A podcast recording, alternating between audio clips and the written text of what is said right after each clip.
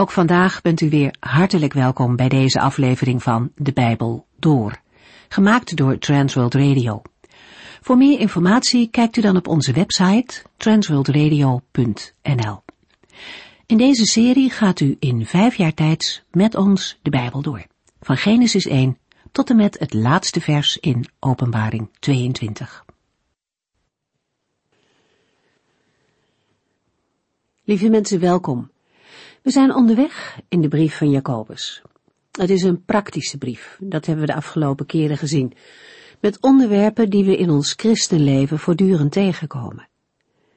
De vorige keer dachten we na over de beproevingen waar we mee te maken krijgen, de moeilijkheden. Er wordt wel eens gezegd tegen mensen die net tot geloof gekomen zijn, welkom in de strijd. En zo is het vaak ook. Voor iemand die als christen wil leven, verloopt het leven niet even gladjes. Van buitenaf komen er moeilijke dingen op ons af. Maar ook binnenin ons is er strijd tussen de oude en de nieuwe mens. Op allerlei manieren krijgen we te maken met verzoekingen. Jacobus gaat hier in hoofdstuk 1 op in. Hij begint gelukkig positief en houdt ons nadrukkelijk voor dat beproevingen, moeilijkheden een reden zijn tot grote blijdschap. Christenen krijgen daarmee te maken van buitenaf en ook met allerlei druk om de smalle weg van God te verlaten. Deze beproevingen, zegt Jacobus, daarover moeten we ons verheugen, omdat we erdoor leren om te volharden. Ons geloof zal er sterker door worden. En om die reden mogen we juist blij zijn met de moeilijkheden waar we doorheen moeten gaan. Verderop in hoofdstuk 1 spreekt Jacobus op een andere toon over die verzoekingen. Hij heeft het dan over verleidingen die binnenin ons een aanknopingspunt vinden. Verzoekingen die voortkomen uit eigen begeerte en tot zonde kunnen leiden als we er niets aan doen. Jacobus maakt duidelijk dat God niet achter deze verleidingen zit. In het leven van de Heer Jezus zien we dat Hij ontzettend veel te maken had met de beproevingen van buitenaf. Op allerlei manieren probeerden mensen, en ten diepste de boze machten, hem ten val te brengen. Maar, anders dan bij ons mensen, was er binnen in hem niets waar de boze een aanknopingspunt vond. De overste van de wereld komt en heeft in mij helemaal niets, zegt de Heer vlak voor zijn gevangenneming tegen de discipelen in Johannes 14. Bij deze Heren kunnen we terecht om wijsheid en hulp in alle beproevingen, moeite en verzoekingen waar we mee te maken krijgen. We gaan verder in Jacobus 1.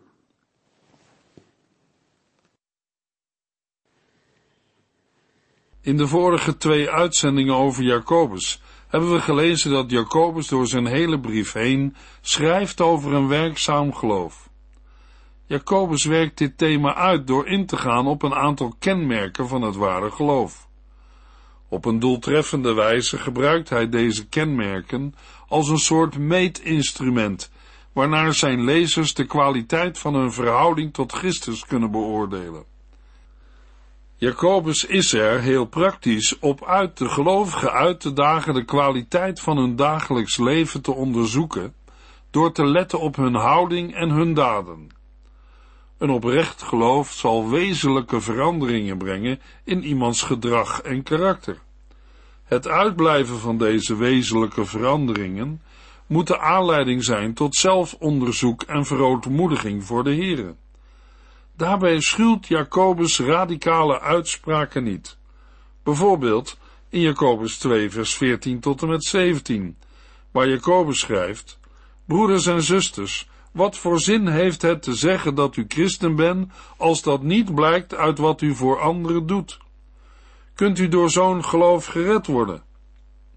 Als uw vriend niet genoeg te eten krijgt en bijna geen kleren heeft, en u zegt tegen hem, het beste ermee hoor, vat geen kou en zorg dat je niet verhongert, is dat toch zinloos, als u hem niet geeft wat hij nodig heeft? Het is wel duidelijk dat geloof alleen niets te betekenen heeft. U moet het ook laten blijken uit wat u doet. Geloof dat niet uit daden blijkt, is geen geloof, het is dood en zinloos. In hoofdstuk 1 had Jacobus dat ook al aangegeven, naar aanleiding van het thema luisteren en spreken. In Jacobus 1 vers 19 tot en met 22 schrijft hij, Beste vrienden, onthoud dit goed. Wees snel met luisteren, maar traag met spreken. En word niet snel kwaad, want kwaadheid veroorzaakt alleen maar dingen die tegen Gods wil ingaan. Wees zachtmoedig en reken voor goed af met alles in uw leven wat vuil is, of wat maar de schijn heeft slecht te zijn. Wees dankbaar voor het geweldige nieuws dat in ons geplant is, want daardoor kan onze ziel gered worden. Maar naar dat nieuws moet u niet alleen luisteren, u moet er ook naar handelen. Misleid u zelf niet.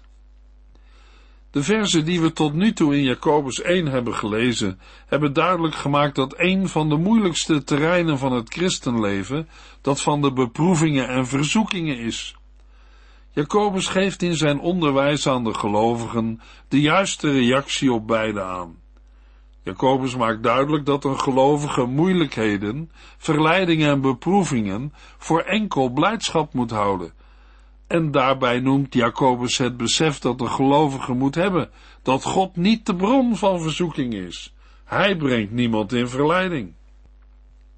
Ook in het vervolg zullen we zien dat de brief van Jacobus een heel praktisch Bijbelboek is, dat ingaat op de ethiek van het christen zijn in het leven van elke dag.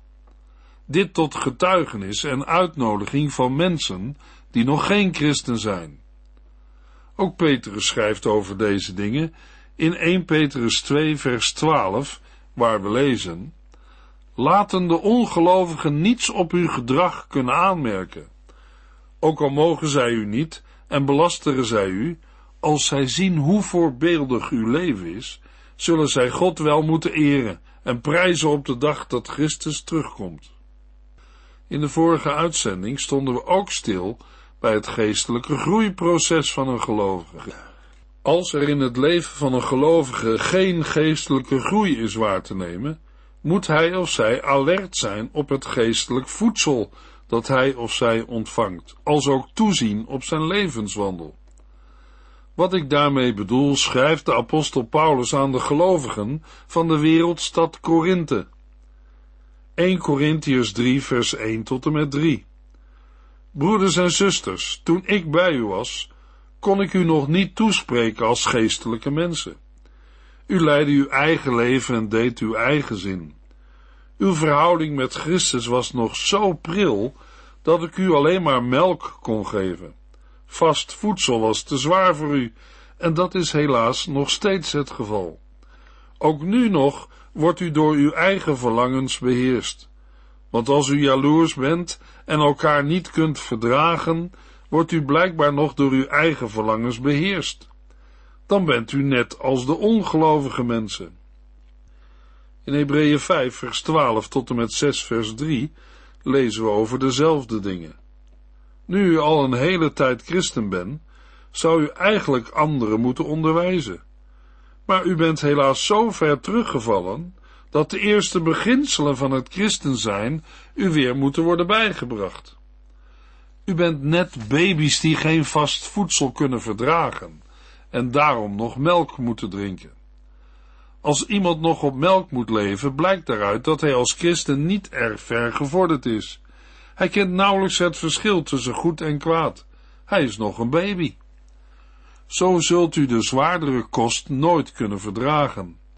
Die zwaardere kost is voor hen die goed en kwaad uit elkaar kunnen houden. Zij kunnen opgroeien tot volwassen christenen. Daarom is het niet goed telkens weer terug te gaan naar wat wij in het begin over Christus hebben geleerd. Wij moeten verder gaan en volwassen christenen worden. Het heeft weinig zin er nog eens over te beginnen dat wij ons moeten afkeren van daden die tot de dood leiden, maar dat wij op God moeten vertrouwen. Wij hoeven ook niets meer te leren over de verschillende dopen en het handopleggen, over het opstaan van doden en een eeuwig oordeel. Als de Heer het goed vindt, zullen wij nu verder gaan met andere dingen. Het onderwijs van Jacobus sluit naadloos aan bij de gelezen Bijbelgedeelten. Bijvoorbeeld Jacobus 3 vers 13 tot en met 18. Wie van u is wijs en verstandig? Dat kan alleen maar blijken uit iemands goede daden en liefdevolle wijsheid. Maar als u door jaloezie en eigen belang vol wrok zit, kunt u zich nergens op beroemen, dan zou u de waarheid geweld aandoen. Want jaloezie en egoïsme lijken in de verste verte niet op Gods wijsheid. Nee, ze zijn aards, ongeestelijk en duivels. Waar jaloezie en eigenbelang zijn, vindt u ook wanorde en meer van dat kwaad.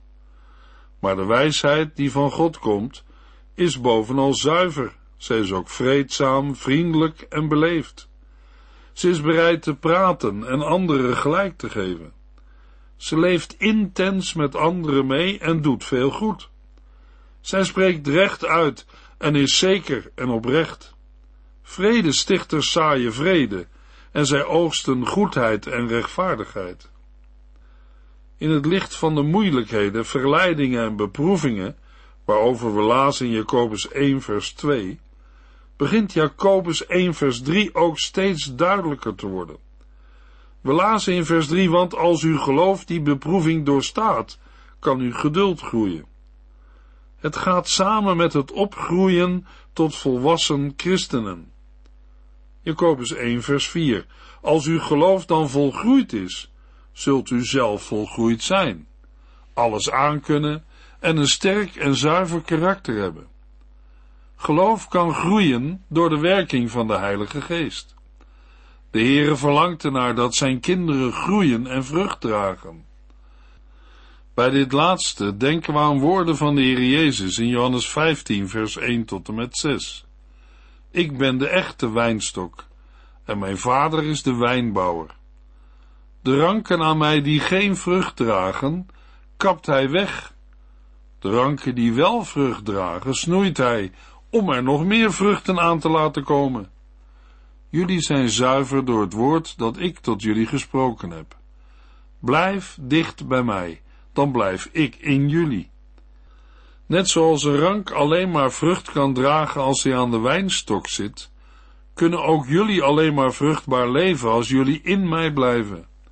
Ik ben de wijnstok en jullie zijn de ranken.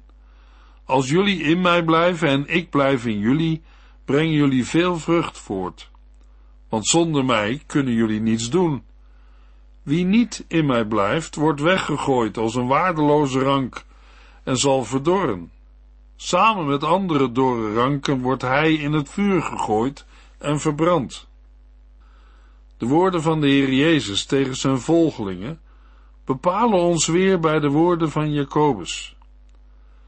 In Jacobus 1 vers 5 tot en met 8 Als u wilt weten wat God van u verwacht, vraag het hem en hij zal het u graag vertellen. Want hij staat altijd klaar om ieder die hem daarom vraagt voldoende wijsheid te geven. Hij zal het u niet kwalijk nemen. Maar als u hem erom vraagt, moet u ook verwachten dat hij het zal geven. Iemand die twijfelt lijkt op een golf van de zee, die door de wind heen en weer gejaagd wordt. Zo iemand moet niet denken dat de Heer hem iets zal geven, als hij twijfelachtig is en onzeker in zijn optreden.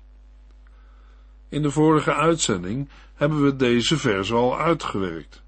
Maar in deze uitzending wil ik u vragen, begint u of jij de dag met de Heere? Een moment van Bijbel lezen, overdenken en bidden? Als Jacobus zegt dat de Heere graag wil dat wij hem dingen vragen, dan moeten wij dat ook doen.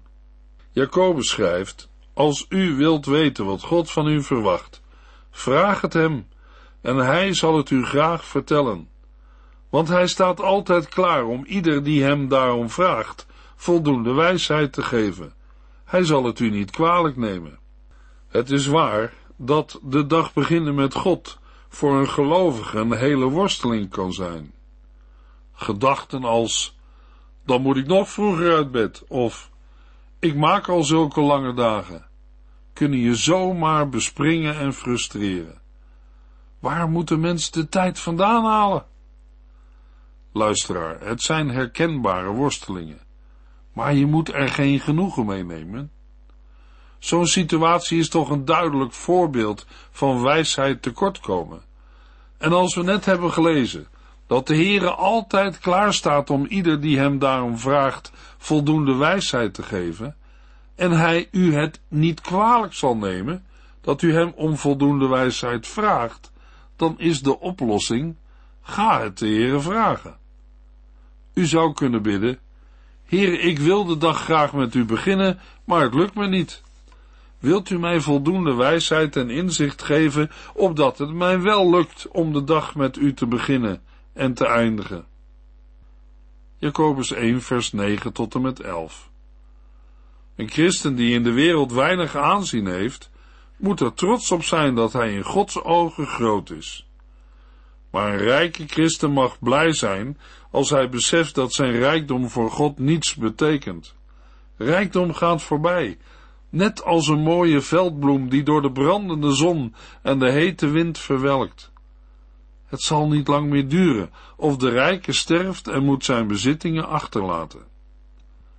In de vorige uitzending is uitgelegd dat het in deze verse gaat over de omgang van rijken en armen in de gemeente van Christus. Uit Jacobus 5 blijkt dat er in de verhouding tussen armen en rijken in de eerste christengemeente verschillende dingen niet goed waren. We lezen in Jacobus 5 vers 1 tot en met 6 over de rijken.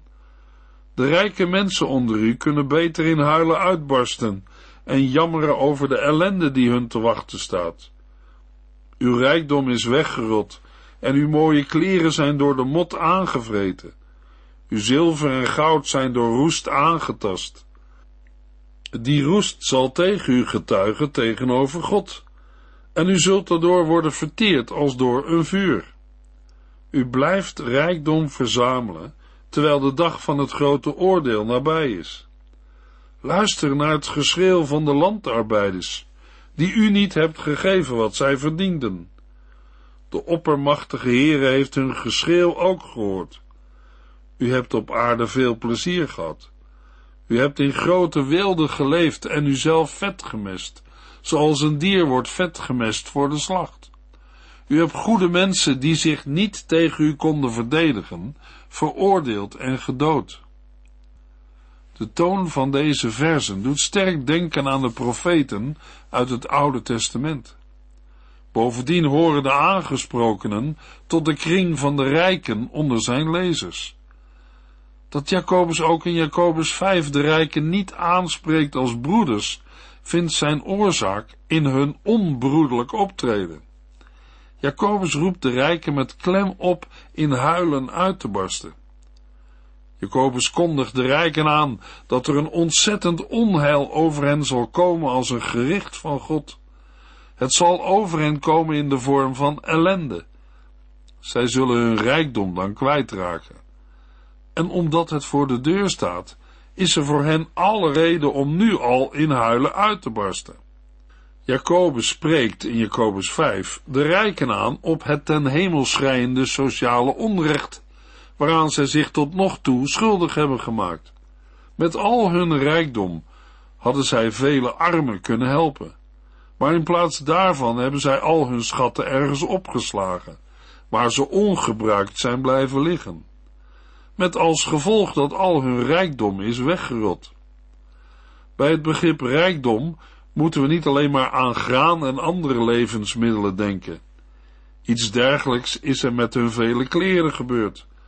Met hun overtollige kledingstukken hadden zij vele medemensen die geen of weinig kleren hadden kunnen helpen. Maar nu zijn die mooie kleren door de mot aangevreten. De woorden die Jacobus gebruikt laten iets zien van de manier van leven van de rijken in de christelijke gemeente. Zoals zij met hun rijkdom en met hun kleren zijn omgesprongen, zo hebben zij dat ook met hun goud en zilver gedaan. In plaats van degene die bij hen in loondienst zijn daarvan op tijd uit te betalen, hebben zij het goud en zilver alleen voor zichzelf verzameld. Het gevolg is nu dat het door de roest is aangetast. Het verroesten van kostbare metalen is spreekwoordelijk onder de Joden. Op deze sprekende manier wil Jacobus die rijken laten zien dat ze ook in dat opzicht zwaar onrecht hebben begaan. Bij het komende gericht van de Heere zal hun dat duur komen te staan. Die roest, een personificatie, zal dan tegen hen getuigen. Die roest zal tegen u getuigen tegenover God, en u zult erdoor worden verteerd als door vuur. Dat Jacobus in dit verband een beeld van verterend vuur gebruikt, ligt voor de hand. In de oordeelsprediking van de profeten komen we dat geregeld tegen. In Jacobus 5 vers 9 verwijt Jacobus de rijken dat ze met hun comfortabele leven rustig doorgaan, ook nu de dag van Christus wederkomst voor de deur staat. Het ontbreekt hun ten ene aan waakzaamheid. Jacobus schrijft in Jacobus 1 vers 10 en 11 maar een rijke christen mag blij zijn als hij beseft dat zijn rijkdom voor God niets betekent. Rijkdom gaat voorbij, net als een mooie veldbloem die door de brandende zon en de hete wind verwelkt. Het zal niet lang meer duren of de rijke sterft en moet zijn bezittingen achterlaten. Jacobus 1 vers 12 Gelukkig is hij die telkens verleidingen weerstaat en niet doet wat verkeerd is. Want later zal hij als beloning de kroon krijgen die God beloofd heeft aan allen die hem liefhebben, het eeuwige leven. Met de uitroep gelukkig grijpt Jacobus terug op het wees dan maar blij van vers 2. Dat Jacobus in vers 12 de draad weer oppakt van de versen 2 en 3 blijkt ook nog uit de woorden verleidingen, moeilijkheden en beproeving. Het geeft ook aan dat de versen 2 tot en met 12 één geheel vormen, waarvan vers 12 als een soort conclusie de afsluiting vormt. Bij het woord verleidingen ontbreekt het lidwoord. Jacobus heeft dan ook geen bepaalde verleiding op het oog gehad. Gezien het vervolg in de versen 13 en 14, zal hij vooral gedacht hebben aan verleidingen op zedelijk gebied. In het tweede deel van vers 12 geeft Jacobus nog een nadere verklaring van het woord gelukkig. Hij zegt gelukkig is hij, want later zal hij als beloning de kroon krijgen die God beloofd heeft aan alle die hem liefhebben, het eeuwige leven. Wie telkens verleidingen weerstaat en niet doet wat verkeerd is, die zal merken dat de Heere woord houdt. De Heer Jezus heeft de kroon des levens, of de erekrans van het eeuwige leven, beloofd aan wie hem liefhebben. En die belofte zal de Heere zeker vervullen. De kroon of krans was bij de speler van de Grieken de prijs die de overwinnaar kreeg. Oorspronkelijk bestonden kransen of kronen uit één of twee jonge twijgjes van een boom of struik, waarvan de uiteinden naar elkaar toegebogen waren. De twijgjes waren meestal van de laurier, vandaar het woord lauwerkrans. Soms werd een dergelijke krans versierd met bloemen. In later tijd, maar nog steeds ver voor de tijd van het Nieuwe Testament, werd in een krans vaak goud verwerkt of was de krans helemaal van goud gemaakt. In dergelijke gevallen kunnen we ook vertalen met kroon. Een krans werd gezien als teken van leven en vruchtbaarheid. Kransen werden in de oudheid gebruikt in de Grieks-Romeinse godsdienst. Een priester droeg een krans en ook een offerdier of een altaar kon van een krans voorzien worden. In een dergelijk verband treffen we het woord in het Nieuwe Testament niet aan. Een tweede gebruik van kransen vinden we in verband met sportwedstrijden, waarbij een krans werd uitgereikt aan de winnaar. Ook kon een krans worden uitgereikt aan iemand die zich op een of andere manier verdienstelijk had gemaakt voor het algemeen belang, met name aan iemand die in een oorlog een overwinning had behaald. Van daaruit werd een krans een teken van overwinning. Op veel plaatsen in het Nieuwe Testament wordt het woord in deze zin overdrachtelijk gebruikt met betrekking tot gelovigen die tot het einde toe volhardend zijn gebleven. We komen de krans ook in buitenbijbelse literatuur tegen als teken van waardigheid. De krans van doornen, die door de soldaten op Jezus hoofd werd gezet, was een parodie op een dergelijke koningskroon. Verder vinden we het woord krans of kroon op verschillende plaatsen in het Bijbelboek Openbaring. In overdrachtelijke zin noemt Paulus de gelovigen in een aantal door hem gestichte christengemeenten zijn krans, wat inhoudt dat zij een teken zijn van zijn waardigheid als apostel. Jacobus schrijft in zijn brief: Wie telkens verleidingen weerstaat en niet doet wat verkeerd is, die krijgt het symbool van de overwinnaar door de Heere uitgereikt. De beloning die de Heere geeft, is het eeuwige leven. Een leven dat totaal het tegendeel is van een definitieve dood. Jacobus 1, vers 13. Maar als u moeite hebt om de zonde het hoofd te bieden, moet u niet zeggen dat God u in verleiding brengt. God heeft nooit de neiging iets slechts te doen en hij brengt niemand in verleiding. In verzoeking en verleiding kan iemand ook nog heel anders reageren. Hij kan de Heere aanklagen alsof God de hand in verleidingen zou hebben. Zo'n gedachtegang wijst Jacobus heel beslist af.